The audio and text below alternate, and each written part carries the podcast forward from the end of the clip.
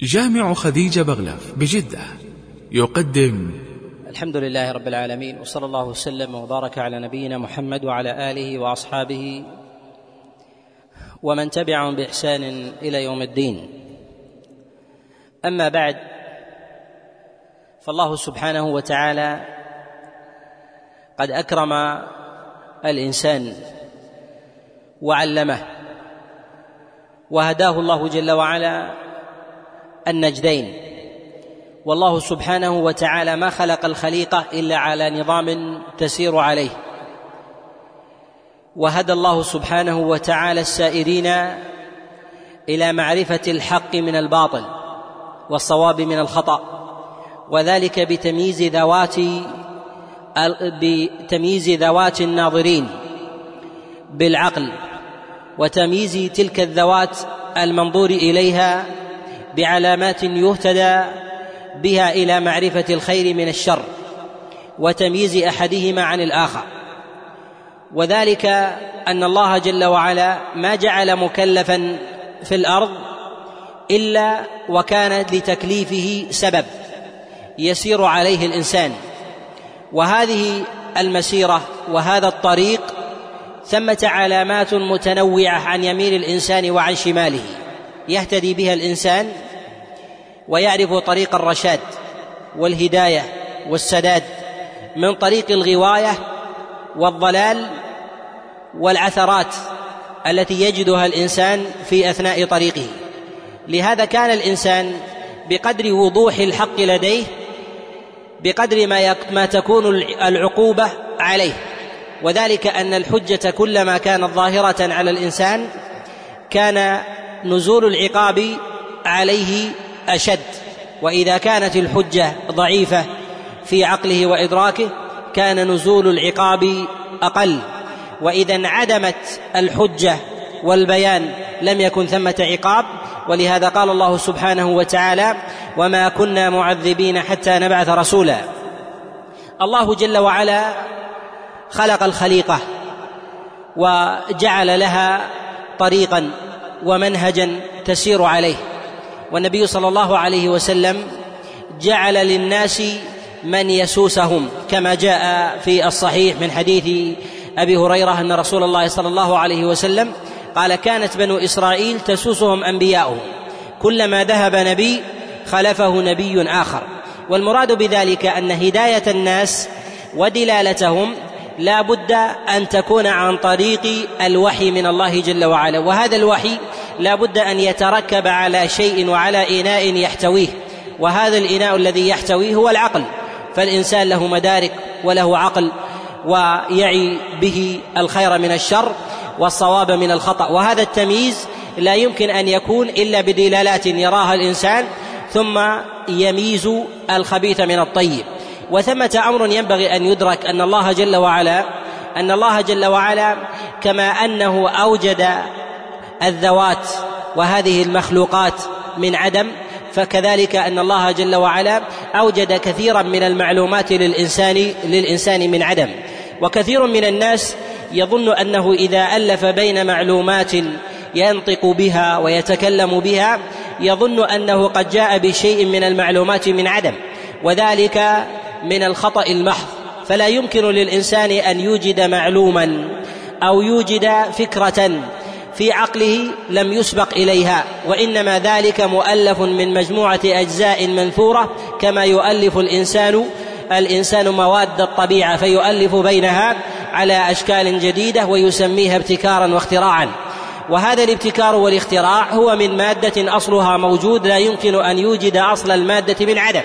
كذلك أيضا من جهة المعاني والأفكار فإنها نثار لا يحصيه إلا الله إلا الله سبحانه وتعالى يؤلف الإنسان بينه حتى يشكل كثيرا من المعاني والمعلومات والمدركات والتي لم يسبق إليها. على هذا التركيب وأما من جهة أجزائها فإنه قد سبقه عليها قد سبقه عليها الكثير. ولهذا من المحال أن الإنسان يوجد معلومة معلومة من عدم من عدم محض فإن هذا لا يكون لأحد إلا إلا لله لله جل وعلا. فالمعاني تخلق كما تخلق كما تخلق الذوات من الماديات وغيرها.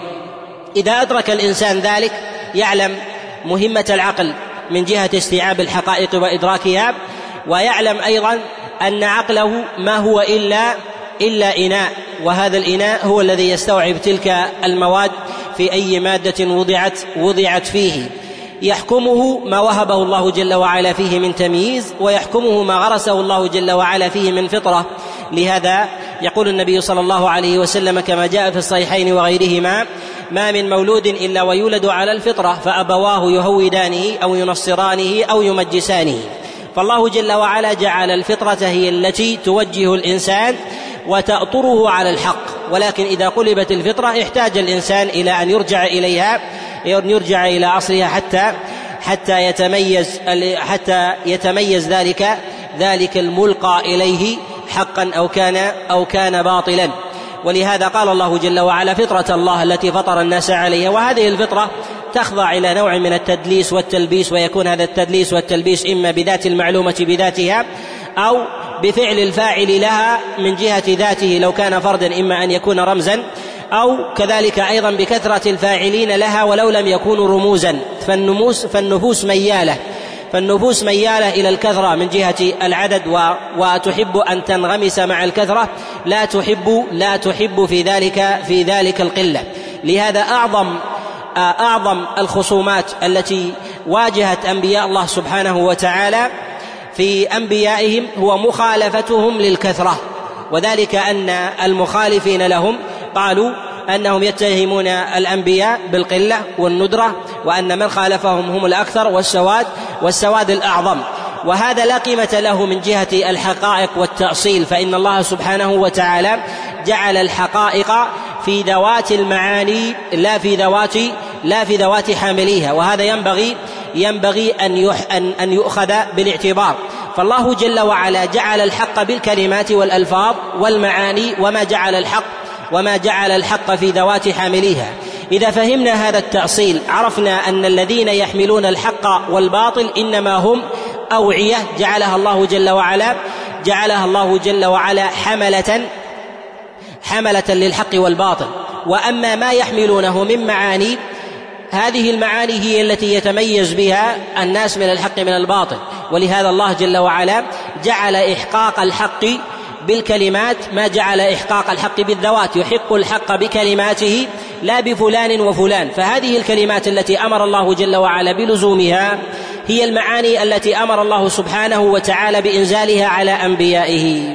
ولهذا أمر الله جل وعلا باتباع البينات وعدم اتباع الأولياء الأولياء من دونه ولا تتخذوا من دونه من دونه أولياء. هؤلاء الأولياء هم الذين يعتصب عندهم الجهل بالالتفاف حولهم ومحاولة التكاثر حتى يجعلوا للقول الضعيف قوة وشوكة فيغتر به الناس لقوة لقوتهم وشوكتهم. وكذلك نفوذ رأيهم وامتزاج ذلك بكثير من حظوظ المادة ومطامع الدنيا. فتنكسر كثير من القلوب عن إدراك ذلك الحق بذاته لهيبة لهيبة حامله. والإنسان كما لا يخفى الإنسان من جهة الإدراك من جهة إدراكه للمعاني وكذلك من جهة إدراكه للمعلومات على سبيل العموم أنه كلما كان بعيدا كلما كان الإنسان بعيدا عن الحقيقة صغرت صغرت لديه. وإذا دنا وإذا دنا منها كبرت لديه إلا شيء واحد وهذا هو الكذب والخديعة والبهتان فإنه يكون عظيما إذا كان بعيدا فإذا دنا الإنسان منه وجده وجده سرابا لا شيء ولهذا ينبغي للإنسان أن يقترب من الأشياء حتى تتميز لديه وهذا القرب هو القرب من من الذوات. وهذه الذوات هي التي عليها مدار الإدراك. وإذا قلنا إن الحقائق التي أمر الله جل وعلا باتباعها هي المعاني والكلمات وجب على الإنسان أن يقرب من المعاني والكلمات لا أن يقرب من الذوات. والله جل وعلا ما جعل الحق والعصمة لأنبيائه عليهم الصلاة والسلام إلا إلا ليبلغوا الحق للناس فيعتصب الحق مع الذات. وذلك أن كثيرا من الناس ينخدعون ينخدعون بالذوات أكثر أكثر من الألفاظ والمعاني. وجعل الله جل وعلا العصمة لأنبيائه من جهة القول والفعل اكمالا للحق. ولهذا يضطرب كثير من الناس في اتباع الحق بالتمييز بين بين الذات والمعنى التي تحمله. فرسول الله صلى الله عليه وسلم بعثه الله جل وعلا إلى الناس كافة. وما أرسلناك إلا كافة للناس بشيرا ونذيرا. أرسله الله جل وعلا إلى الناس كافة. منهم من شاهد رسول الله صلى الله عليه وسلم فإذا دنا منه فرق فرق بين بشرية النبي صلى الله عليه وسلم وبين الحق الذي يحمله. ومنهم من كان بعيدا فحمل ذات رسول الله صلى الله عليه وسلم على سائر الذوات من أن التعظيم الذي لحق تلك الذات إنما هو لعظمتها في ذاتها فكأن المعاني والألفاظ كانت تابعة للذات لأن الذات تابعة تابعة للمعاني.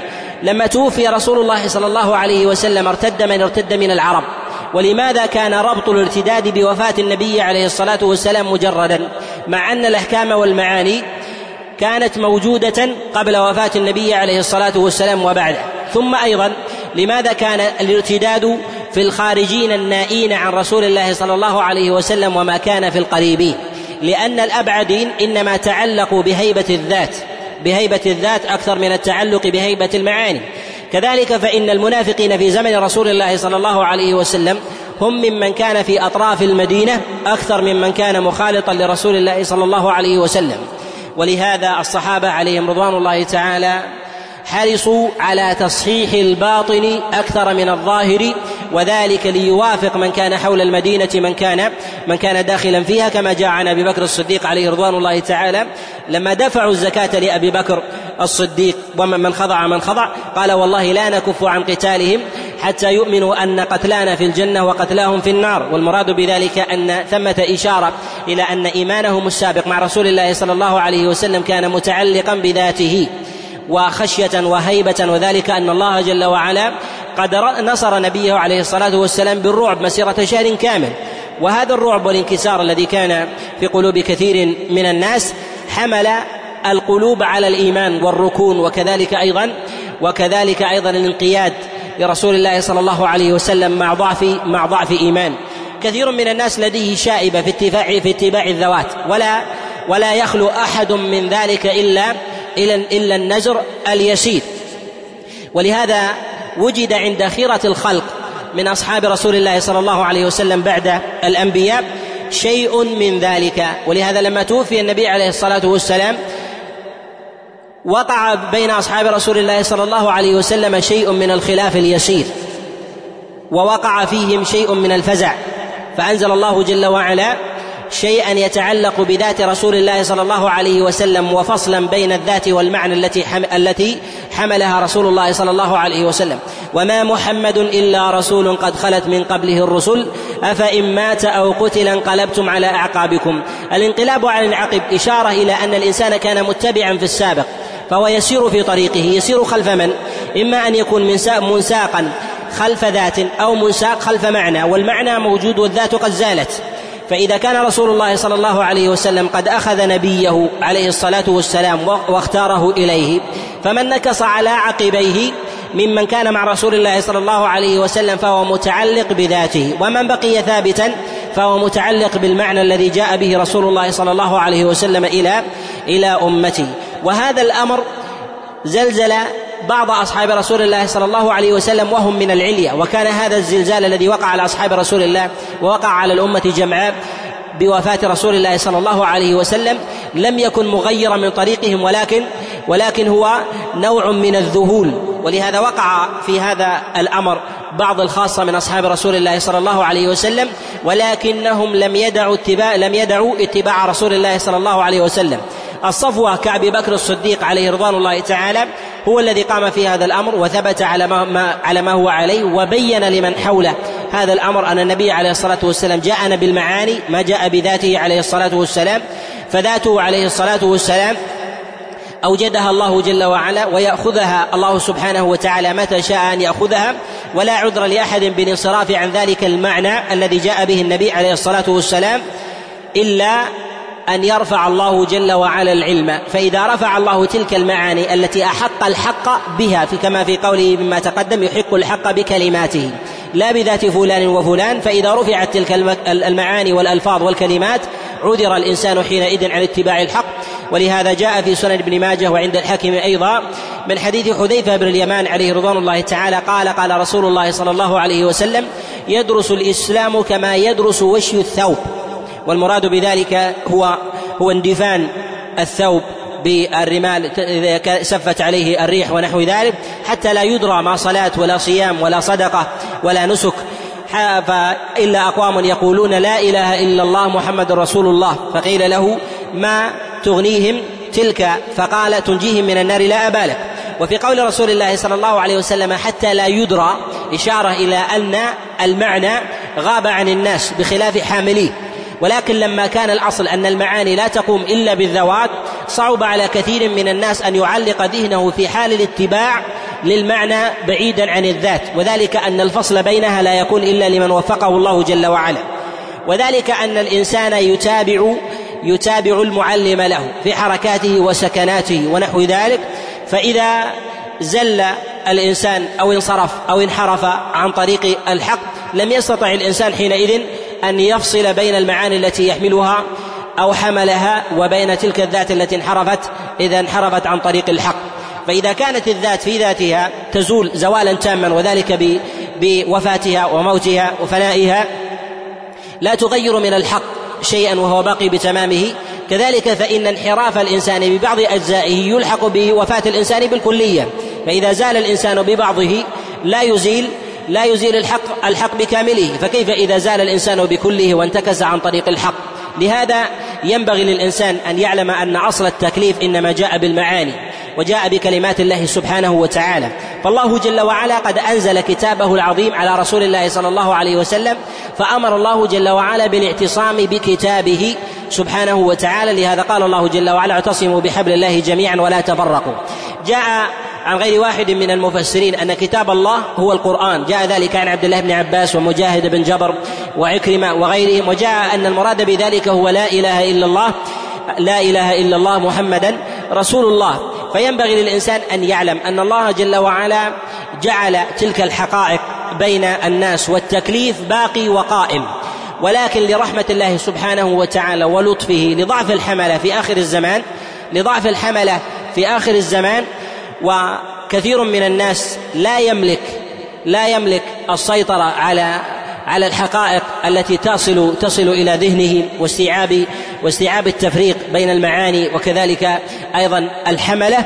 كان من يأتي في آخر الزمان أعظم من جهة من جهة الأجر في تضعيف العبادة من أصحاب رسول الله صلى الله عليه وسلم. والصحابة عليهم رضوان الله تعالى أعظم. فمن جاء يأتي بعدهم هم من جهة التضعيف أكثر والصحابة عليهم رضوان الله تعالى من جهة من جهة التعظيم من جهة التعظيم أكبر وأوفر. وذلك أن من جاء بعدهم في آخر الزمان إنما كانوا يؤمنون بصحف يقرؤونها. يعني أنها حقائق مجردة عن العامل بها مجردة عن العامل بها أو ضعف الذي يعمل بها فضعف الأخذ واستراب الإنسان استراب الإنسان من الأخذ بها فعظم عند الله جل وعلا الأجر. والنبي صلى الله عليه وسلم والنبي صلى الله عليه وسلم قد حث على صلاح الذات لهذا الأصل أن كثيرا من العامة لا يستطيع الفصل بين حامل الحق والحق الذي يحمله. فدعا رسول الله صلى الله عليه وسلم إلى تصحيح الذوات. وأهمية ذلك عند العلماء وأهميتهم بكونهم قدوة يراهم القريب والبعيد. ورسول الله صلى الله عليه وسلم أوصى بالأقربين عنده عليه الصلاة والسلام وذلك لكون الأقربين هم أقرب هديا للنبي عليه الصلاة والسلام من حملة الحق كما جاء في حديث العرباض بن سارية كما في السنن وغيرها.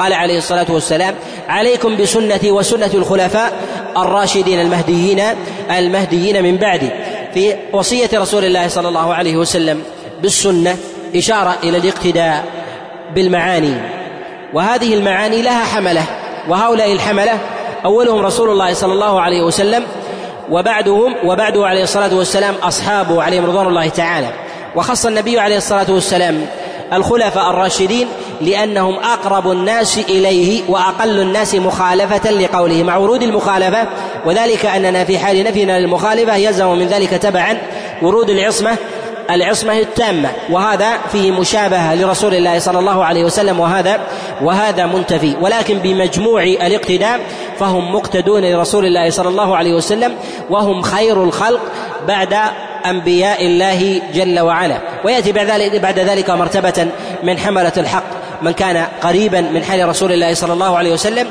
كالصحابة عليهم رضوان الله تعالى على سبيل الإجمال كما جاء في مسلم من حديث أبي موسى أن رسول الله صلى الله عليه وسلم قال النجوم امنه للسماء فإذا ذهبت النجوم السماء ما توعد وأنا امنه لأصحابي فإذا ذهبت اتى اصحابي ما يوعدون وأصحابي امنه لأمتي فإذا ذهب أصحابي أتى أمتي أتى أمتي ما توعد. إشارة إلى أن حملة الحق فيهم أمان للذات ما استقاموا مع الحق الذي الذي حملوه. فإذا استقاموا مع الحق الذي حملوا واحتاطوا لذلك القول اتبعهم الناس. والخطاب في كلامنا هنا يتوجه إلى العلماء وطلاب العلم وحملة الحق والرموز ويتوجه أيضا إلى العامة. وذلك أن العامي ينبغي عليه أن يربي نفسه وأن يأطر نفسه وأنه كلما تأخر الزمن كلما تأخر الزمن كثرت التقلبات في الذات كثرت التقلبات في الذات. ولهذا النبي صلى الله عليه وسلم جعل الخيرية والأفضلية الأفضلية كلما دنت من زمن النبي عليه الصلاة والسلام تعلقت الأفضلية بذوات أهل القرن بمجموعهم. لهذا يقول النبي صلى الله عليه وسلم كما جاء في الصحيح من حديث عمران بن حسين قال خير الناس قرني ثم الذين يلونهم ثم الذين يلونهم. فذكر النبي عليه الصلاة والسلام ثلاثة قرون ثم ثم أمسك. وذلك أن الخيرية بعد ذلك تنتقل من ذات إلى ذات ومن بلد ومن بلد إلى بلد. لا تلتزم بزمن بزمن على سبيل التسلسل كما ذكر رسول الله صلى الله عليه وسلم كما ذكر رسول الله صلى الله عليه وسلم ذلك. وفي هذا إشارة إلى وفي هذا إشارة إلى قضية مهمة وهي تتعلق وهي تتعلق بحملة الحق الذين يكونون في آخر الزمان أن التقلب يطرأ عليهم أكثر من غيرهم. كذلك المهمة عند حملة الحق ينبغي أن يفصلوا بين ذواتهم وبين الحق الذي يحملوه. وأن كثيرا من الناس يحاول أن يجعل الحق متعلق بذاته. ولهذا رسول الله صلى الله عليه وسلم كان مدرسة مع كونه معصوما عليه الصلاة والسلام كان مدرسة في الفصل بين تعظيم ذاته حتى لا يؤخذ بذاته عليه الصلاة والسلام ويجعل نفسه ويجعل نفسه كسائر الناس من جهة التعامل. فلا يظن برسول الله صلى الله عليه وسلم أنه ملك ولا يظن برسول الله صلى الله عليه وسلم أنه خارج عن نطاق البشرية وإنما هو بشر عليه الصلاة والسلام. ولهذا كفار قريش لما كان رسول الله صلى الله عليه وسلم فيهم استنكروا عليه أمور. من هذه الأمور أن النبي عليه الصلاة والسلام يمشي في الأسواق ويأكل الطعام. وذلك أنه قد انغرس في في نفوسهم أن القدوة ينبغي ألا يكون ألا يكون من البشر ألا يكون من البشر وله خصائص تنفرد تنفرد عنهم. فكان النبي صلى الله عليه وسلم يتعامل مع كفار قريش كما يتعاملون مع بعضهم. يمشي في الأسواق ويأكل الطعام ويفعل ما يفعلون ويدع ويدع ما ويدع ما يدعون. ما كان موافقا ما كان موافقا لأمر الله جل وعلا جل وعلا وترخيصه. وهذا فيه إشارة إلى أن نفوس الناس في قبولهم الحق يتعلق بالذات أكثر من الحق ذاته كما كان كفار قريش. امتنع كفار قريش عن الحق فكانوا مترددين بين الحق الذي بين يدي بين أيديهم من المعاني وبين حامل الحق. حامل الحق هو بشر ولكن الحق الذي بين يديهم حق. فمنعهم من اتباع الحق نزول صاحبه عن الصفة الفوقية عن صفة البشر فكان مساويا لهم من جهة بشريته فرفضوا فرفضوا الحق الذي جاء به رسول الله صلى الله عليه وسلم.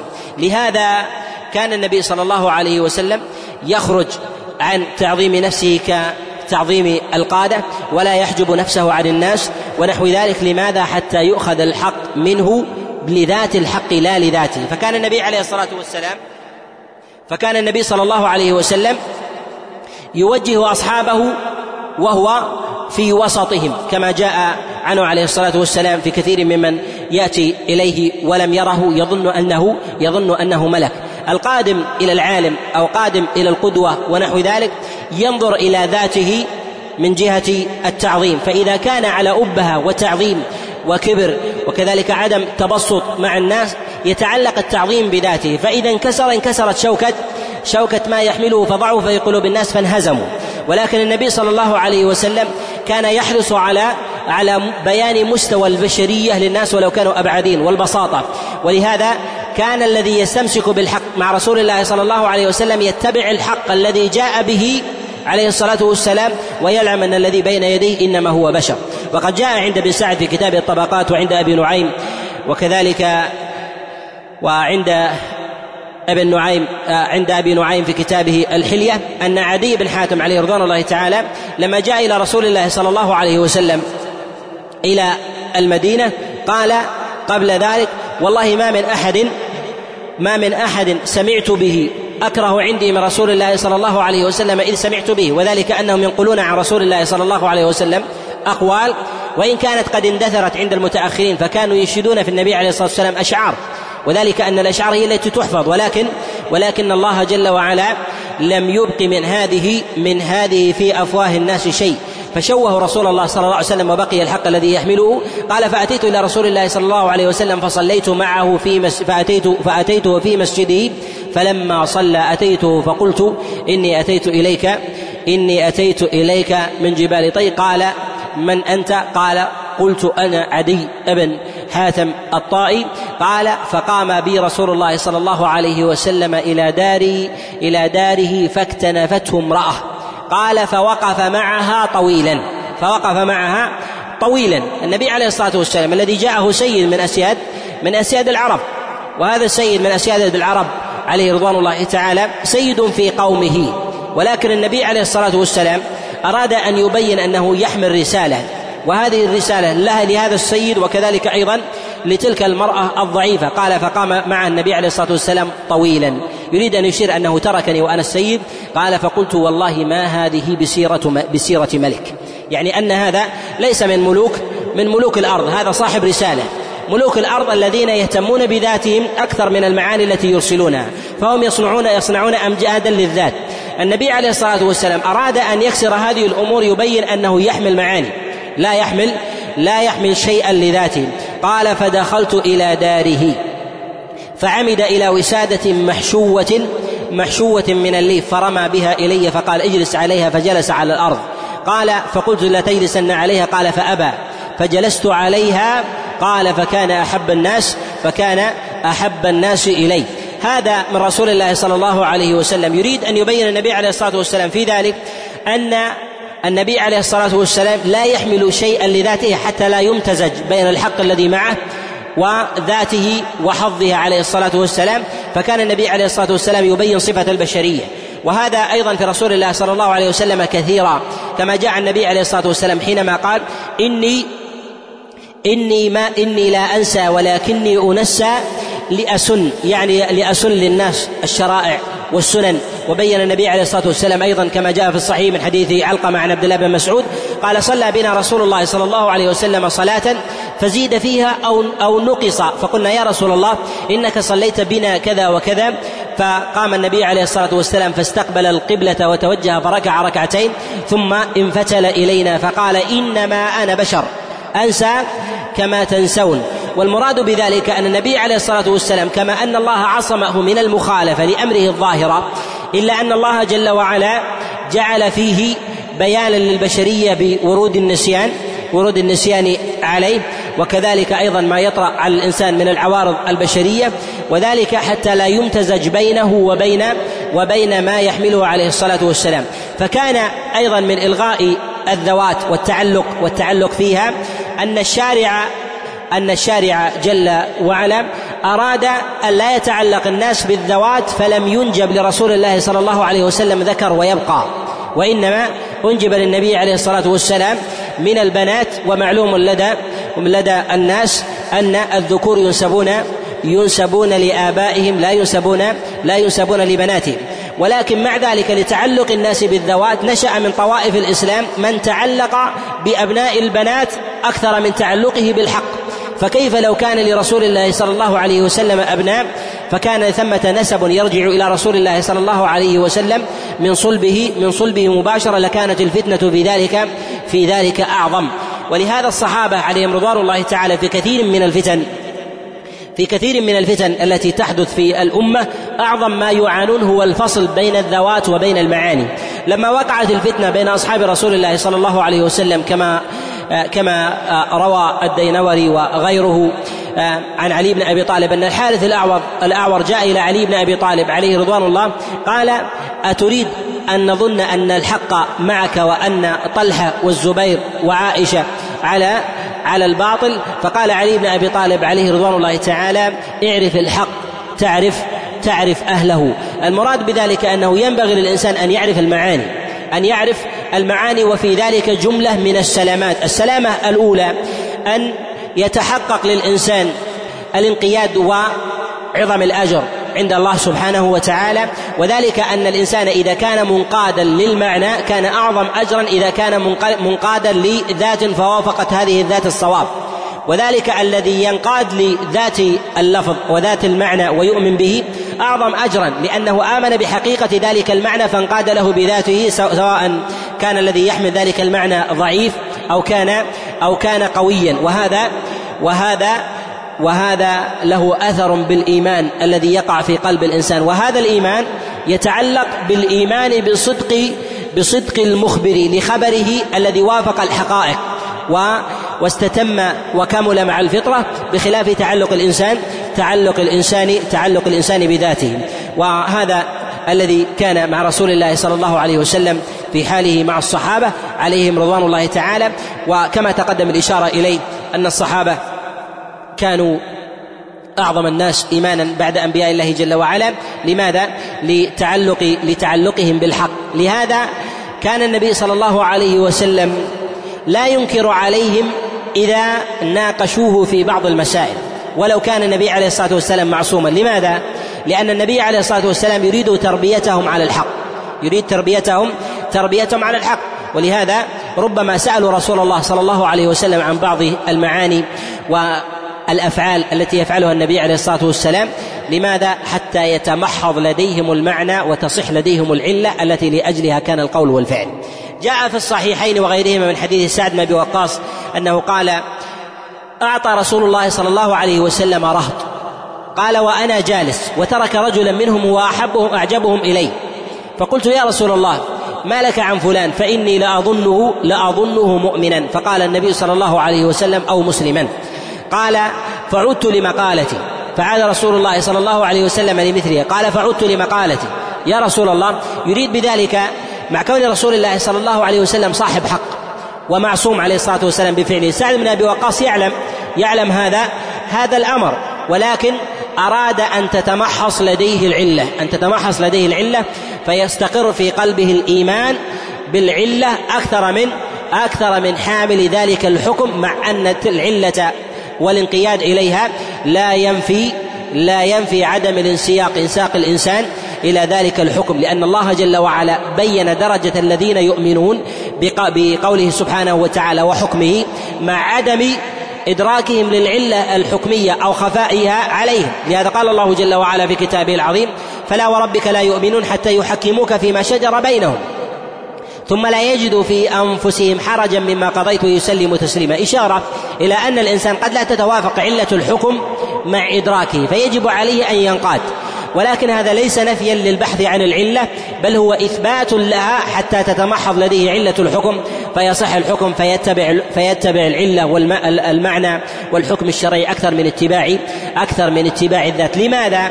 لأن الأحكام التي جاءت عن رسول الله صلى الله عليه وسلم لا تتعلق بذات النبي عليه الصلاة والسلام بل ستنتقل إلى غيره فإذا انتقلت إلى غيره سيتعلق الأمر بالذات إذا انتقل الأمر من ذات إلى ذات النبي صلى الله عليه وسلم يقول العلماء ورثة الأنبياء الأنبياء ورثوا العلم من أخذه أخذ أخذ بحظ بحظ وافر. فإذا كان النبي عليه الصلاة والسلام يحمل العلم والأمر متعلق عليه بعلمه عليه بعلمه الذي جاءه من الله والعصمة المقترنة بذلك العلم ولكن النبي عليه الصلاة والسلام بعد وفاته سينتقل ذلك الإرث إلى من؟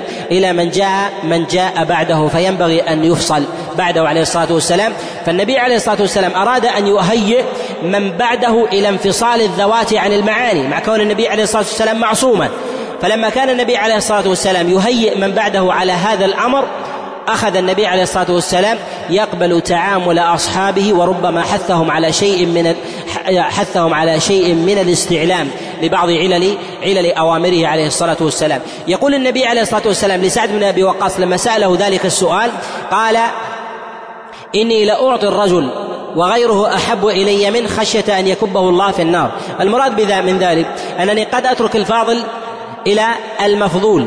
وإنما أعطي المفضول لأستميل قلبه وذاك أكله إلى أكله إلى إيمانه. ما لديه من إيمان فهو رجل لا يشترى إيمانه بالمال فأشتري أولئك بالمال حتى ينساقون باطنا وظاهرا وهذا قد انساق باطنا باطنا وظاهرا. فأراد النبي عليه الصلاة والسلام أن يبين لسعد بن أبي وقاص أن العلة في ذلك باطنة ولا تدركها وإنما أدركها بعلم الله جل وعلا أن هؤلاء أن هؤلاء ضعيف الإيمان من جهة الباطن فوجب علي أن أحيي باطنهم كما حي ظاهرهم وأما ذاك فحي باطنه فحي كذلك فحي كذلك ظاهره.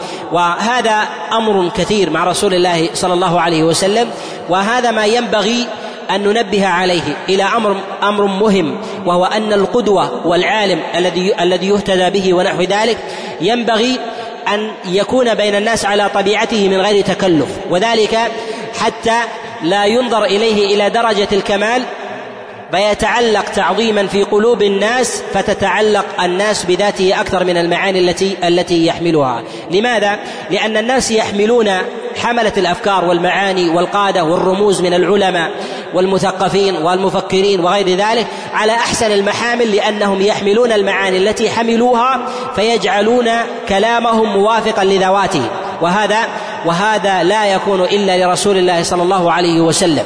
فينبغي أن يظهر العالم على حاله التي هو فيها من عدم التكلف والبساطة وذلك حتى يراه الناس من غير من غير تكلف فيتوازنوا معه فيتوازنوا فيتوازنوا معه. لهذا حث رسول الله صلى الله عليه وسلم على أهمية المخالطة.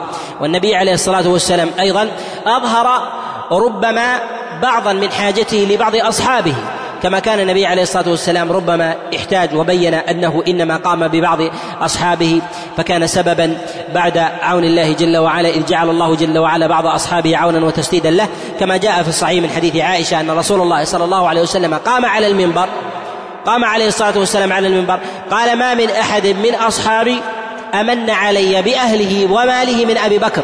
الصديق عليه رضوان الله. وفي هذا إشارة مع علو مقام النبي عليه الصلاة والسلام إلى أنه لم يمتنع من بيان فضل من دونه عليه حتى عند حتى عند الناس. وأمام العامة أن يبين أن هذا الرجل أن هذا الرجل له فضل على رسول الله صلى الله عليه وسلم وفي هذا إشارة إلى توطين النفس وكذلك أيضا حاجتها وهذا ما ينبغي عليه أن يكون القدوة بالركون إلى أصحابه والركون وكذلك بيان حاجته إلى من حوله من أن يمد له يد العون ونحو ذلك.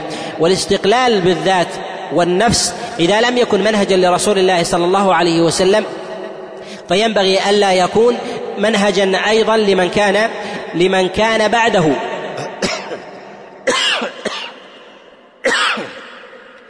فلا ينبغي أن يكون منهجا لمن كان بعده من من القادة ممن يهتدي بهدي رسول الله صلى الله عليه وسلم. وكذلك أيضا من الأمور المهمة في مسألة أهمية اتباع المعاني ومن ثمارها أن الإنسان لا يقع في الخطأ والزلل. أن الإنسان لا يقع في الخطأ والزلل إن وقع الناس. فإن احسنوا احسن وإن اساءوا اساء التكليف من جهة الأصل يقع على الإنسان يقع على كل أحد سواء كان ضعيفا أو كبيرا. ضعيفا أو قويا صغيرا أو كبيرا. ما كان من أهل ما كان من أهل التكليف. لهذا النبي صلى الله عليه وسلم النبي صلى الله عليه وسلم خاطب الناس كلهم ووجه الخطاب إليهم. وما وجه الخطاب إلى إلى القادة خاصة. ولكن لأثر القادة دعا النبي صلى الله عليه وسلم اولا للقادة ثم إن تبعهم قومهم على ذلك فحسن وإن لم يتبعهم قومهم على ذلك تتبعهم بأعيانهم. ولهذا بعث النبي عليه الصلاة والسلام معاذا إلى اليمن وأبا موسى كذلك إلى اليمن. وبعث النبي عليه الصلاة والسلام كثيرا من رسائله إلى الرموز. لماذا؟ لأن نفوس الناس لأن نفوس الناس والأتباع تتشوف إلى اتباع أفعال أفعال الرموز حتى ينقادون معهم. هل اتبعوا ذلك القول أو لم يتبعوا؟ إن اتبعوه ساقوا. وهذا لما وجد في النفوس دعا رسول الله صلى الله عليه وسلم الناس أن دعا رسول الله صلى الله عليه وسلم الرموز ثم دعا الأفراد. ولهذا قال الله جل وعلا مبينا دعوة رسول الله صلى الله عليه وسلم إلى الأفراد وإن أحد من المشركين استجارك فأجره حتى يسمع كلام الله. وهذه الدعوة الفردية إشارة إلى أنه ينبغي للإنسان أن يتوجه بدعوته إلى الأفراد سواء كانوا كبارا أو صغارا ولكن لما كانت النفوس البشرية تضعف عند القادة كانت لدعوة القادة أهمية أكثر أكثر من غيرهم. ولما كان انحراف الناس عن انحراف الناس عن الحق. من القادة ينحرف الناس عن طريق الحق كانت الحيطة في التعامل مع الكبار. والرموز أكثر من غيرهم. لماذا؟ حفاظا عن المعاني التي ربما يلبسون فيها التي ربما يلبسون فيها على الناس. لهذا النبي صلى الله عليه وسلم دار القادة أكثر من غيرهم لطبيعة البشرية أن النفوس أن النفوس تتبع الأقوى. ولكن عند الله سبحانه وتعالى من جهة الحقيقة أن الله جل وعلا يخاطب كل أحد على حدة. ولا تزر وازرة وزر وزر أخرى. إلا أن الله سبحانه وتعالى يجعل لي يجعل للذين اتبعوا من العذاب ما يلحق الأتباع لأنهم غروهم. أما من جهة الأتباع فيلحقهم العقاب الذي كتبه الله سبحانه وتعالى عليهم. كل نفس بما كسبت رهينة. أما من جهة الوزر لا تزر وازرة وزر أخرى إلا من سن في الإسلام سنة سيئة فعليه وزرها وزر من عمل بها إلى قيام الساعة. لهذا بين الله جل وعلا أن الذين يدخلون النار الذين يدخلون النار الذين اتبعوا والذين اتبعوا والمستضعفين والكبراء هؤلاء كلهم يدخلون النار. لماذا؟ لأنهم عند الله جل وعلا سواسية لا يفرق بين هذا لا يفرق بين هذا وهذا. كل إنسان يحاسب على ما كان على ما كان عليه. لهذا ينبغي للإنسان أن يعلم أن تكليفه عند الله جل وعلا إنما هو إنما هو بالعقل الذي لديه فينبغي عليه أن يتبع الحق. أما من جهة أما من جهة أثر أما أثر القادة فالمنزلة لهم عند الله جل وعلا عظيمة. إن اتبعوا وذلك لأن الأجر يلحق أولئك. وأما بالنسبة للذين للذين اتبعوا بالباطل فإن الإثم يلحقهم أيضا أعظم من غيرهم. لماذا؟ لأنهم غروا الناس. أما الأتباع فيلحقهم العقاب. أما الأتباع فيلحقهم العقاب على على الأفراد. إن كان إن خالفوا والثواب يلحقهم إن وافقوا بالأفراد والإنسان في ذلك يستقل ويكثر ويستكثر من الأتباع. وإنما عظم الأتباع على غيرهم لأن الناس يتأثرون يتأثرون فيهم أكثر أكثر من غيرهم. وهذا وهذا هذا أمر ينبغي أن يحتاط فيه الإنسان. وأن مكن الله جل وعلا مكن الله عز وجل له في الناس فينبغي له أن يحتاط أن يحتاط في هذا الأمر. وكذلك فيه آه، تمحيص لكثير من الأقوال التي يقول بها بها الناس أنني أتبع قول فلان وأقول بقول فلان وهذا مما نهى عنه عليه الصلاة والسلام. كما جاء في المسند والسنن أنه قال عليه الصلاة والسلام لا يكون أحدكم اما يقول إن أحسن الناس احسنت وإن أساءوا فإن وإن أساءوا أسأت وإنما إن أحسنوا أحسن. وإن أساءوا وإن أساءوا وإن أساءوا لم يسيء. والمراد بذلك أنه ينبغي للإنسان أنه إذا سلك الناس طريقا من طرق الشر والغواية ينبغي أن يخالفهم إلى طريق الحق وأنهم إذا سلكوا الحق سلك الحق معهم. لماذا تكثيرا للناس؟ ولهذا النبي عليه الصلاة والسلام ما حث على المخالفة إلا إلا في أمر في أمر المنكر والباطل. لهذا النبي عليه الصلاة والسلام يقول إن أحسن الناس أحسنت يعني أحسن معهم وكن معهم لا تكن شاذا في الحق. وانضوي تحت أولئك وأما من جهة الباطل فينبغي للإنسان أن ينفرد أن ينفرد بمخالفته للناس بباطلهم وأن يتبع الحق لماذا؟ لأن التكليف يقع يقع عليه. في الأزمنة المتأخرة يكثر تعلق الناس بالذوات وتعلقهم كذلك بشخوصهم والإعجاب بهم وتعظيمهم ونحو ذلك وهذا وهذا له له ضرائب كثيرة جدا وله أسباب كثيرة منها ما تقدم الإشارة إليه أن كثيرا من الناس وخاصة العامة لا يميزون بين المعاني وبين وبين حملة المعاني وبين ما جعله الله جل وعلا في الناس من حق سواء كان على سبيل الكثرة أو على سبيل القلة. كذلك أيضا لا يميز الإنسان من جهة التكليف الذي أناطه الله جل وعلا به ويظن أنه بمجرد التقليد أنه من ذلك يسلم من عقاب الله سبحانه وتعالى بل العقاب ياتيه لأن الله جل وعلا أتاه له عقلا وكلفه بذلك. لا يكلف الله نفسا إلا وسعها. الوسع كثير من الناس يحمله على الوسع الطاقة البدنية لا. بل هي ما هي أبعد من ذلك أيضا الطاقة الفكرية والعقلية. الإنسان إذا كان يدرك المعلوم لو أراد أن يباشره وجب عليه أن يباشر بنفسه. لا يكلف الله نفسا إلا وسعها. من جهة التكليف يجب عليك أن تدرك المعنى الذي أمرك الله جل وعلا به وأن تعرف أمر الله سبحانه وتعالى وحدوده في ذلك فتتبع على بصيرة وبينة. على بصيرة وبينة فتمحص الحق بذاته وتعرف دليله وتعليله فتتبعه على هدى وبينة حتى يعظم الثواب لديك. وأما ما لا تكلف في ذلك ما لا يمكن أن تتكلف به من جهة العقل والإدراك. كثير من الناس ضعيف الإدراك ونحو ذلك لا يميز الحق من الباطل. فهذا يقال أن الله جل وعلا لا يكلفه إلا إلا بما يطيق وما لا يطيقه فإنه يقلد فيه. والله جل وعلا يعلم عذر عذر الإنسان الإنسان في ذلك.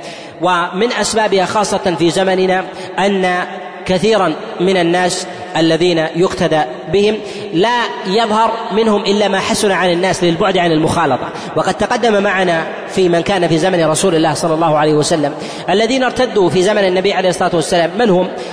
أكثرهم الذين بعدوا عن النبي عليه الصلاة والسلام. حتى بل قيل أن من كان من أهل المدينة لم يرتد أحد. لماذا؟ لأنهم كانوا عند النبي عليه الصلاة والسلام والنبي تمكن من الفصل بين بشر الفصل بين ما يحمل عليه الصلاة والسلام وبين بشريته. لماذا؟ لأن عقول الناس لا تعي بالتمييز بين هذا وهذا.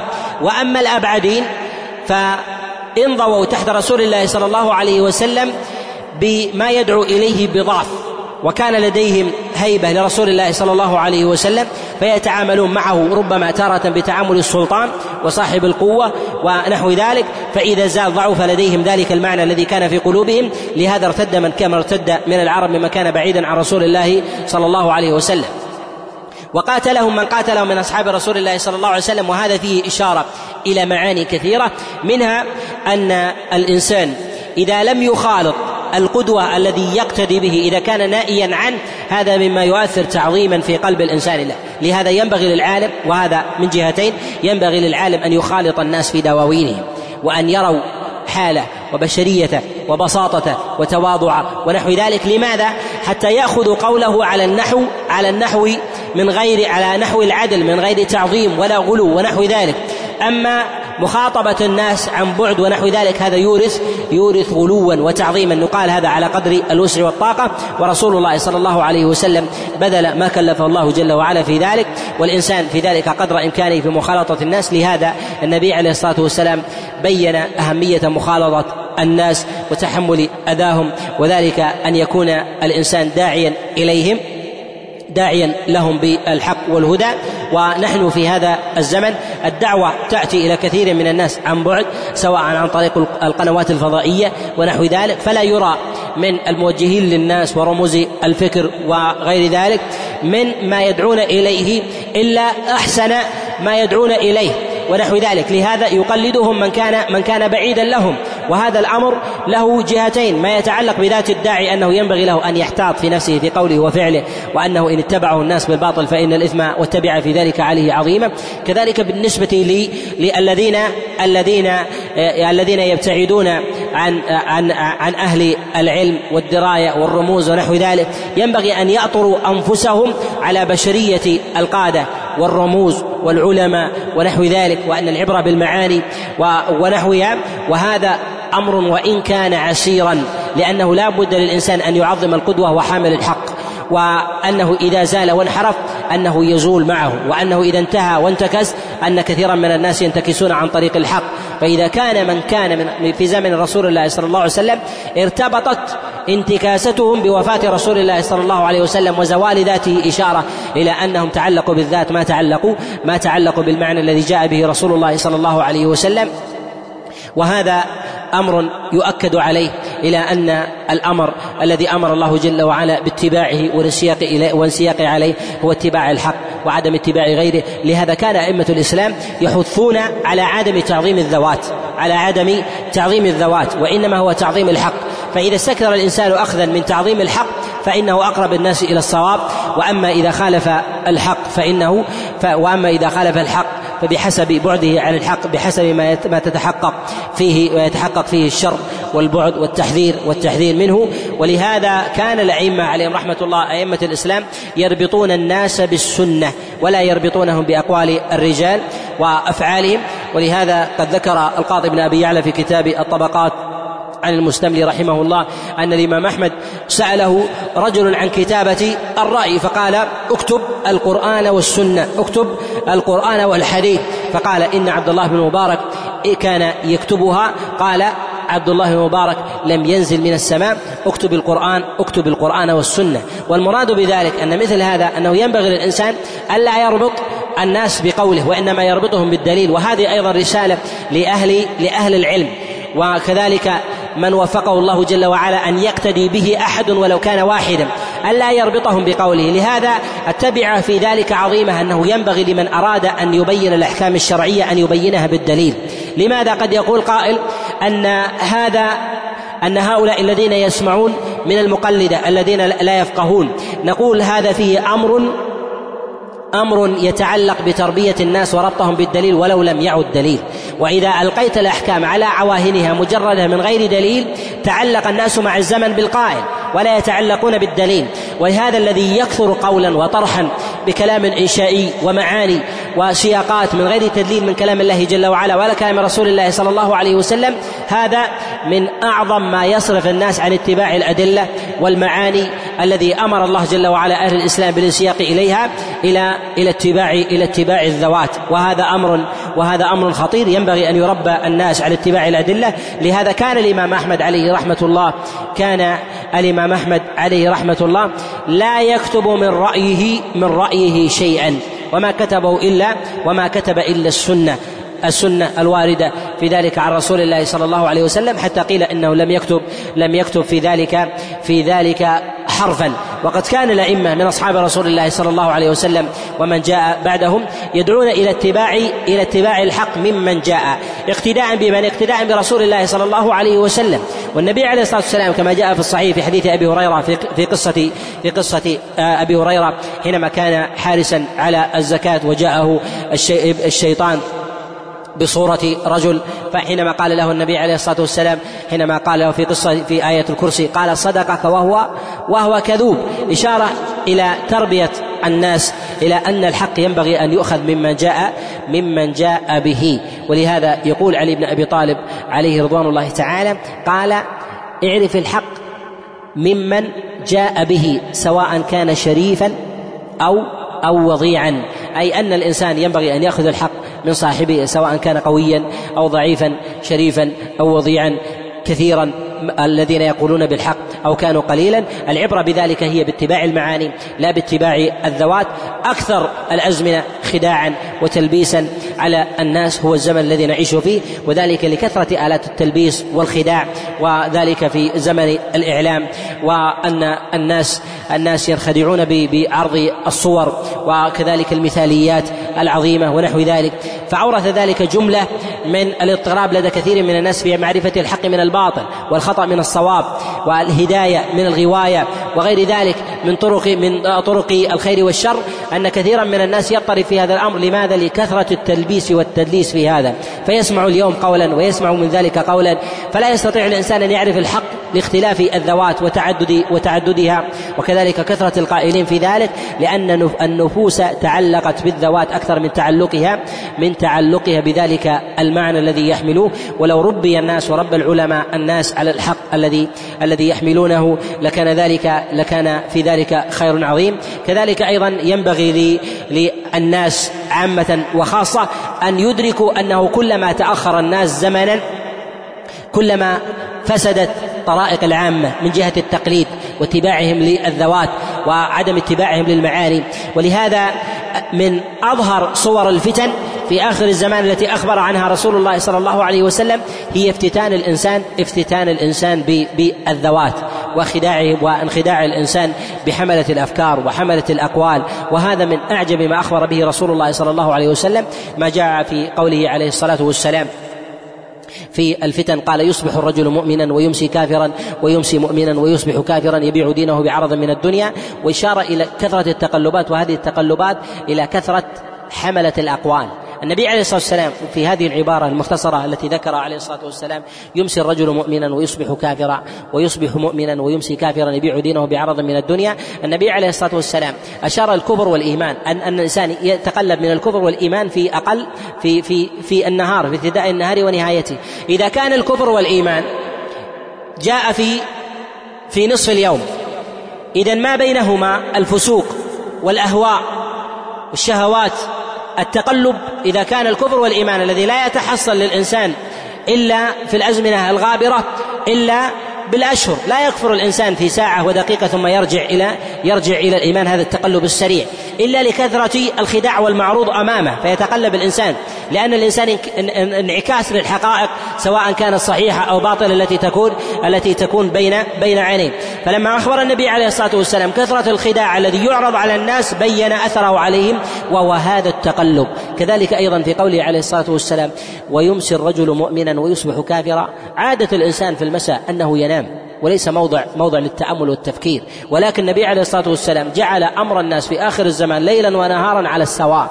وهذا إشارة إلى كثرة الفتن. عن الناس تتلقى الفتن حتى في الليل.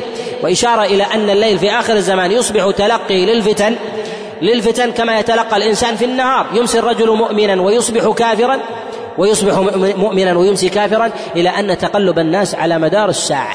والله جل وعلا قد جعل الليل سكن للإنسان وموضع للمبيت ليس موضع للتفكر والتأمل والبحث عن الحقائق ولكن إشارة إلى كثرة الفتن أنه يتصل ليلها بنهارها وهذا فيما أرى أنه إشارة إلى وسائل الإعلام في زمننا وكثرة الفتن التي تعرض للإنسان وتتبعه في كل موضع.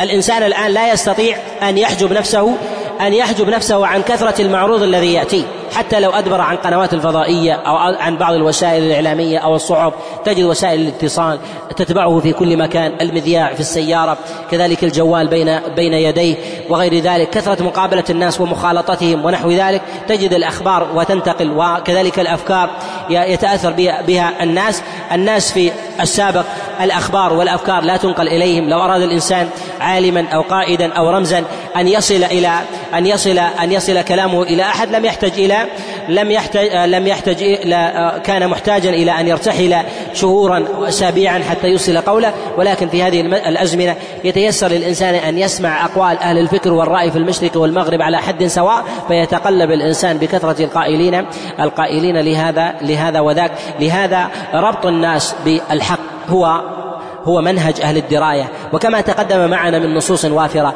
في كلام الله وكلام رسول الله صلى الله عليه وسلم وكلام السلف الصالح من الربط بالمعاني الربط بالمعاني الربط بالأدلة وعدم الربط بالذوات. هذا هو موضع أهل العقل.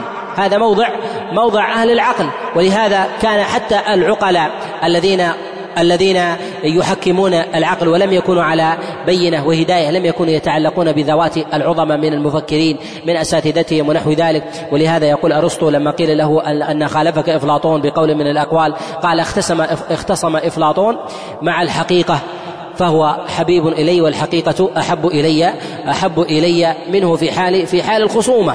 وهذا عند أهل العقل الذين ليس لديهم من وحي الله جل وعلا من وحي الله جل وعلا شيء.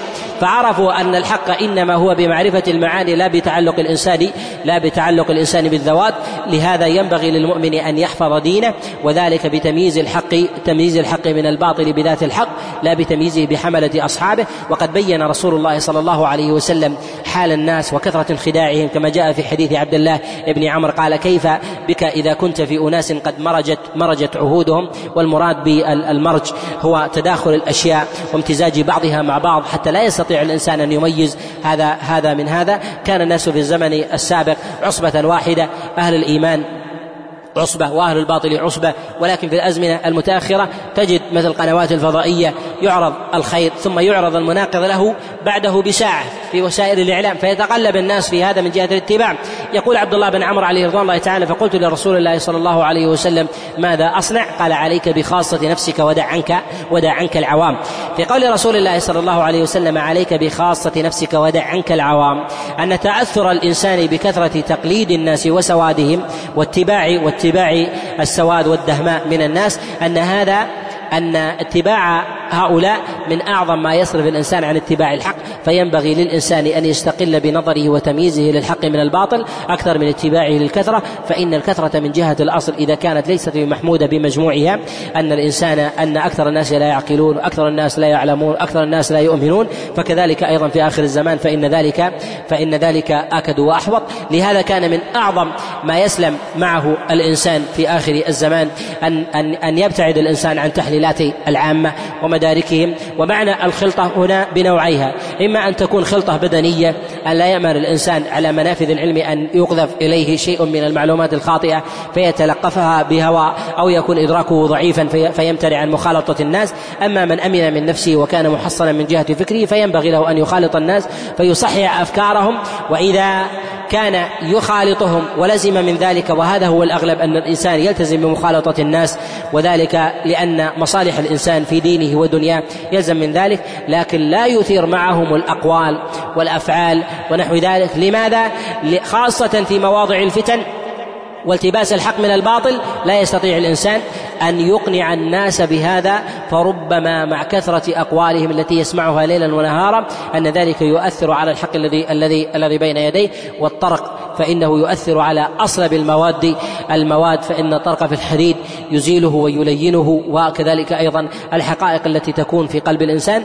لهذا بين رسول الله صلى الله عليه وسلم أن مخالطة الإنسان لغيره أنها تؤثر على الحقيقة التي التي لديه. لهذا بين النبي عليه الصلاة والسلام بين النبي صلى الله عليه وسلم أن مخالطة الكفار والمشركين من من الأمور المحرمة كما جاء على سبيل الدوام والسكن بين ظهرانيهم على سبيل الدوام. أما المخالطة العارضة والتعامل العارض من تجارة ونحو ذلك لهذا قال عليه الصلاة والسلام كما جاء في المسند والسنن قال أنا بريء من من يقيم بين ظهراني المشركين. والله عز وجل بين ذلك أيضا في قوله جل وعلا فلا تقعدوا معهم. والعلة في ذلك إنكم إذا مثلهم أي أن الأمر سيؤول بحال يؤول بكم بحالكم من جهة الاعتقاد والفكر كحالهم. كثير من الناس حينما يضعف تأصيله لهذا المعنى يضعف تأصيله لهذا المعنى لا يدرك أن النبي صلى الله عليه وسلم إنما قصد بالمخالطة هي مخالطة المعاني. فلما كان يلزم من مخالطة الذوات تأثر بالمعاني نهى النبي صلى الله عليه وسلم عن المخالطة بالذوات فكان مانعا من ذلك. في زمننا هذا لما في زمننا هذا كان الانفتاح والمخالطة قسرية فوجب على الإنسان أن يحتاط من تلقي المعلومة ولو كان نائيا بجسده. حينما نهى الله جل وعلا ونهى رسول الله صلى الله عليه وسلم عن مخالطة المشركين المراد بذلك أن يبين عليه الصلاة والسلام أمرين. الأمر الأول أن للذوات تأثير على المعاني وهذا أمر لا يمكن أن ينكر كما تقدم كما تقدم الإشارة الإشارة إليه. الأمر الثاني أن هذه الخلطة التي تستمر مع الإنسان تذيب الحقائق التي في قلب الإنسان شيئا فشيئا من حيث لا يشعر. من حيث من حيث لا يشعر. كثير من الناس لضعف لضعف إدراكهم لمقصد رسول الله صلى الله عليه وسلم. يؤصلون معنى من المعاني وهذا يروج في هذا الزمن في تأصيل وقد آه، سمعت كلاما لأحدهم حينما يقول أن بعض الناس أن بعض الناس ينبغي له أن يخالط أن يخالط غيره حتى حتى يتغير. أو أن مثلا العالم الفلاني لو خالط غيره أو خالط البيئة الفلانية لتغير ونحو ذلك. هذا ضعف في التأصيل أن النبي صلى الله عليه وسلم نهى عن المخالطة أصلا إقرار بهذا التغير أصلا وليس المراد بذلك هو النفي. فالحيطة لهذه مسألة المخالطة قد احتاط لها رسول الله صلى الله صلى الله عليه وسلم وذلك لأن هذه المخالطة لها تأثير والنبي عليه الصلاة والسلام وكذلك ظواهر النصوص من كلام الله جل وعلا تؤكد ضعف العقول البشرية عن تمييز الحق الحق عن صاحبه وكذلك الباطل عن صاحبه. فالإنسان يضعف يضعف في هذا الأمر إلا عند عند النفوس النفوس الزكية. فينبغي للإنسان أولا حتى يسلم له الدين أنه إذا علم من صاحب الباطل كثرة في طرحه للباطل أن يحصن نفسه من من التقليل بالمخالطة. ونحن في هذا الزمن وهذا أمر ينبغي أن يدرك. أن النبي عليه الصلاة والسلام في قوله أنا بريء من من مسلم يقيم بين ظهراني المشركين. هذه البراءة بين ظهراني المشركين أراد بها النبي عليه الصلاة والسلام الإقامة الحسية. الآن في زمننا كثير من الناس يقيمون بين ظهراني المشركين إقامة معنوية وهو في أوساط المسلمين. بل تجد ربما من هو مجاور للمسجد الحرام في أوساط معقل معقل الإسلام ومن لا يدخلها مشرك على الإطلاق ولكن يقيم بين ظهران المشركين بكثرة القراءة لمعانيهم ويديم النظر في كتبهم وأقوالهم. هؤلاء لو كانوا جثث هامدة أو خشب أو خشب مسندة ما نهى النبي عليه الصلاة والسلام عن عن مخالطتهم لأن العبرة ليست مخالطة أولئك بذواتهم. لهذا كثير من الناس يظن أن المخالطة التي نهى عنها النبي عليه الصلاة والسلام أن يذهب بجسده فيقيم بين ظهراني اليهود وبين ظهراني النصارى فيستمر بذلك. وكثير من الناس لجهلهم بهذا الأمر يقرؤون في كلام في كلام أهل الانحراف في أمور العقائد في أمور الأفكار يديمون النظر بالسماع فيتحقق المقصد مما نهى عنه عليه الصلاة والسلام. فيقع التأثير لديهم من غير من غير مخالطة. لهذا ينبغي أن نحمل أن نحمل كلام رسول الله صلى الله عليه وسلم في هذه البراءة وظاهر الآية أيضا السابقة أنه ينبغي لمن أراد الحق ألا يجعل الباطل يعرض على أذهانه وفرة أكثر من الحق. وذلك لضعف العقول البشرية. كذلك أنه ينبغي للإنسان إذا ضعف من جهة التحصين من جهة تحصينه بالأدلة وكذلك معرفة الأصول والقواعد ومداخل أهل الأهواء والزيغ أنه يقلل من عرض الباطل أو يعدم ذلك حتى يتأصل. وأكثر الناس الذين يتأثرون بالأقوال والأهواء والأفكار إنما تأثروا بسبب ضعف ضعف علمهم بكلام الله وكلام رسول الله صلى الله عليه وسلم فخالطوا بعقولهم وبصرهم وأسماعهم وإن كانوا قد بعدوا من جهه من جهة أجسادهم. لهذا النبي صلى الله عليه وسلم خاطب العقول وأقر بتأثرها بذوات حملة الأفكار وحملة العقائد. ولهذا نجد أن سائر المذاهب وسائر أهل المدارك والعقول حتى الجاهليين الذين يسمعون بقول رسول الله صلى الله عليه وسلم ما كانوا يسألون عن المعاني التي يقولها النبي عليه الصلاة والسلام مجردة بل يسألون عن حال رسول الله صلى الله عليه وسلم كما في قصة أبي سفيان. كما قصة أبي سفيان مع كسرى حينما سأله عن رسول الله صلى الله عليه وسلم وعن ذاته ومن الذي يتبعه الضعفاء أم الكبراء وعن خلقه عليه الصلاة والسلام وعن أمانته وعن صدقه فأشياء تتعلق بما يصدر من ذات رسول الله صلى الله عليه وسلم. وما سأل عن ذلك عن تلك الدعوة بذاتها مجردة ومنفكة عن ذات رسول الله صلى الله عليه وسلم. لهذا وجب على الإنسان من جهة ذاته أن يعلم أن العقول والمدارك تغلب وهذه الغلبة تكون بعدم إدراكها وفصلها كما تقدم الإشارة إليه أن يفصل وأن يأطر النفس عن تمييزها للحق إذا وجدت شبهة أو وجدت قولا أن ينحي القائل بها وأن يميزها يميز ذلك القول بذاته. خاصة في الأزمنة المتأخرة لكثرة المتصدرين وكثرة المنحرفين وكثرة أيضا المترددين عن المترددين في طرقهم عن اتباع الحق فتارة على طريق وتارة على طريق وتارة على طريق فتكثر الأهواء والتقلبات في الناس. والنبي صلى الله عليه وسلم حينما بين أن الإنسان ينقلب من الحق إلى الباطل من الكفر إلى الإيمان بالصباح ثم ينتكس إلى إلى الجهة الأخرى معاكسة في المساء إشارة إلى أن ما بينها من تقلبات الرأي وفروع الدين تكون أكثر من ذلك في ذات في ذات الإنسان. ونحن في هذا الزمن نجد أن الشبهات قد طرأت على كثير من الناس. لماذا؟ لأن العالم الفلاني قال كذا والقدوة الفلاني قال كذا. ولا نعلم خلفيات النفوس والقائلين بها. وأحوالهم وكذلك الرغبات والأطماع التي في النفوس والأهواء. ولا نميز تلك الأقوال التي جاءوا بها ونعرضها على أدلة على أدلة القرآن والسنة وتمييزها أيضا بالفطرة وما يتوافق معها. وإنما ضل من ضل هو هو بعدم وزنهم ذلك الحق الذي جاء الذي جاء الله جل وعلا به بميزانه الذي أراده الله سبحانه وتعالى. وإنما ميزوه وربطوه وجعلوه متشبثا ومتعلقا بذيول قائليه. لا ينفصل عنهم ولا ينفك. فانحرفوا فحينما أحسن الناس أحسنوا وإن أساءوا أساءوا أساءوا. وهذا كما تقدم الإشارة إليه يضعف أجر المتبع يضعف أجر المتبع لأن قلبه معلق بالمتبوع أكثر من أكثر من قوله وفعله. وأما بالنسبة لي وأما بالنسبة لمن قوي إيمانا فإنه يأتي بالعبادة أو يأتي بالقول ويأتي بالحقيقة منفصلة عن قائلها مدللا لها بأدلة الكتاب والسنة وكذلك أدلة الرأي والراي والتعليل في هذا فكان أحظ من جهة القول وهذا ينبغي أن يؤكد عليه ان وتقدم الإشارة إليه أن التدليل على الأقوال وربط الناس بالكتاب والسنة هذا من الأمور المهمة وذلك لأنه في زمننا هذا ظهر الانفتاح على الناس وأصبح كثير من الناس يقفون على الأدلة ويميزونها ولكن لا يدركون الصحيح من الضعيف والخاص من العام والمطلق من المقيد والناسخ من المنسوخ.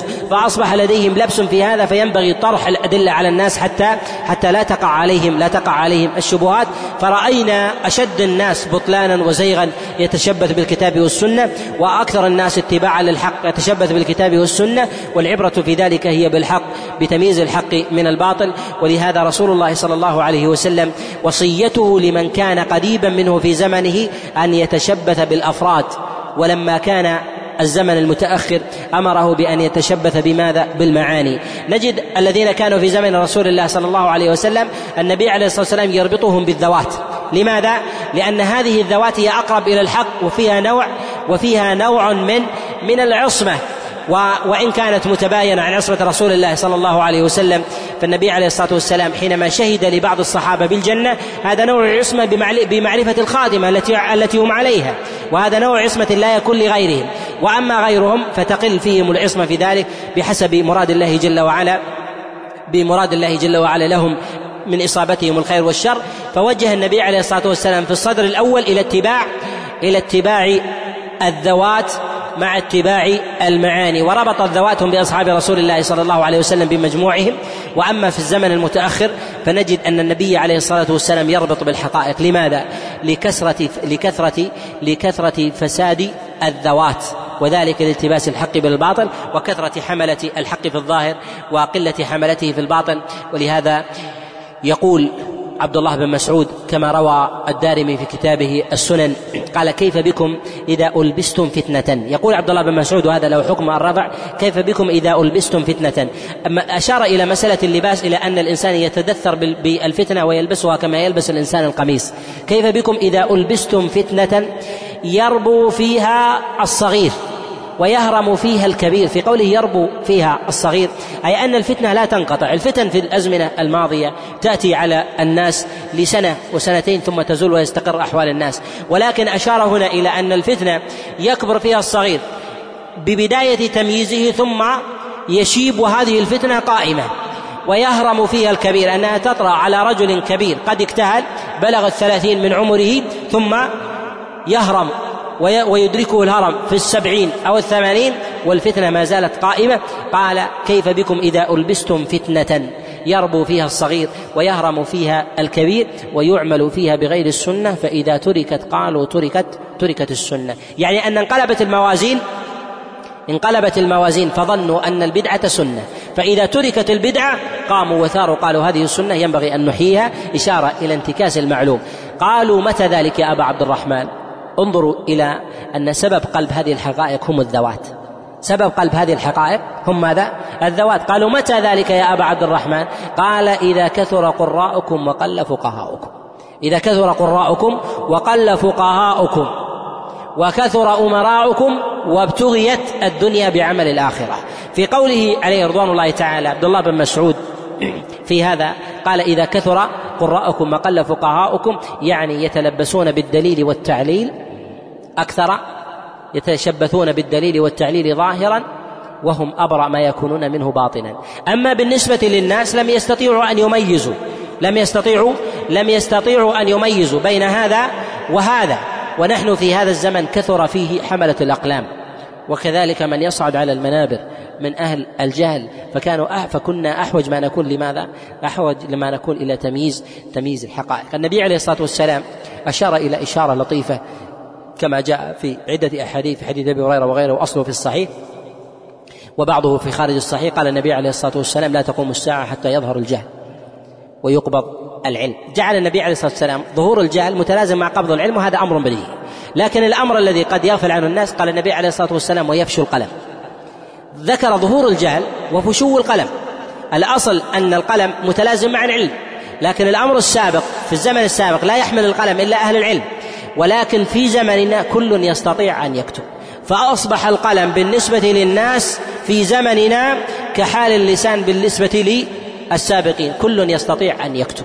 ولكن بين النبي عليه الصلاة والسلام لكثرة الأقلام وهذا مقترن مع ظهور مع ظهور الجهل وقبض العلم. فنجد الكتابات الصحفية الكتابات الإعلامية. كذلك أيضا ما يحدث مثلا في وسائل الإعلام الأخرى المقروءة من الإنترنت وغير ذلك. نجد ظهور القلم أن الإنسان يستطيع أن يكتب كتابة وأن يصوغ عبارة ما يصوغها العلماء الأفذاذ في السابق ولكن على على خديعة وتلبيس وتشبث بمعاني أو تشبث باهداف أدلة ضعيفة وهذا ما يخدع كثيرا من الناس لهذا ينبغي للناس أن يفصلوا بين هذا الأمر. ولهذا ما من أمر مما يل مما يتلبس آه، مما يلبس على الناس الحقائق ويخلط الباطل بالحق.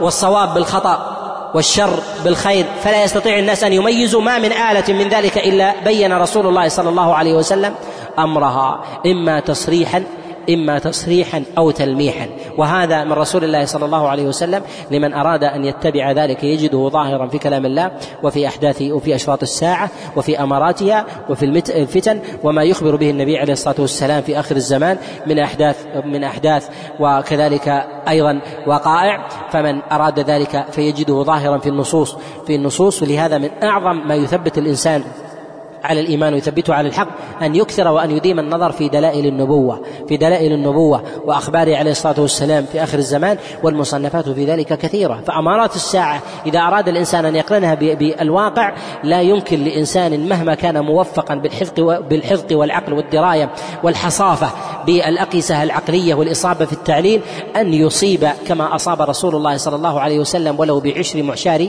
ما أخبر به النبي عليه الصلاة والسلام لأن النبي عليه الصلاة والسلام يخبر بالوحي من ربه وهذا الوحي لا يأتيه الباطل من بين يديه ولا من خلفه وهذا عصمة عصم الله جل وعلا به رسول الله صلى الله عليه وسلم فما ينطق عن الهوى إن هو إلا وحي إلا وحي يوحى. لهذا الوصية في الختام الوصية في الختام أن أننا في هذا الزمن مع كثرة الشبهات وكثرة الشهوات وكثرة العرض على ما يعرض على العقول أن يتجرد الإنسان للحق ذاته بعيدا عن قائله أن يجرده عن قائله مهما مهما كان. الإنسان كذلك أيضا أن ينظر إلى جانب التعبد العبادة والديانة الديانة عند القائل. فإن الديانة هي التي تؤثر على ذلك القول وذلك أنها تمحص تمحص الباطن لأن أكثر ما يغيب عن الناس ويخدعهم هو الباطن هل الباطن سليم أو ليس بسليم؟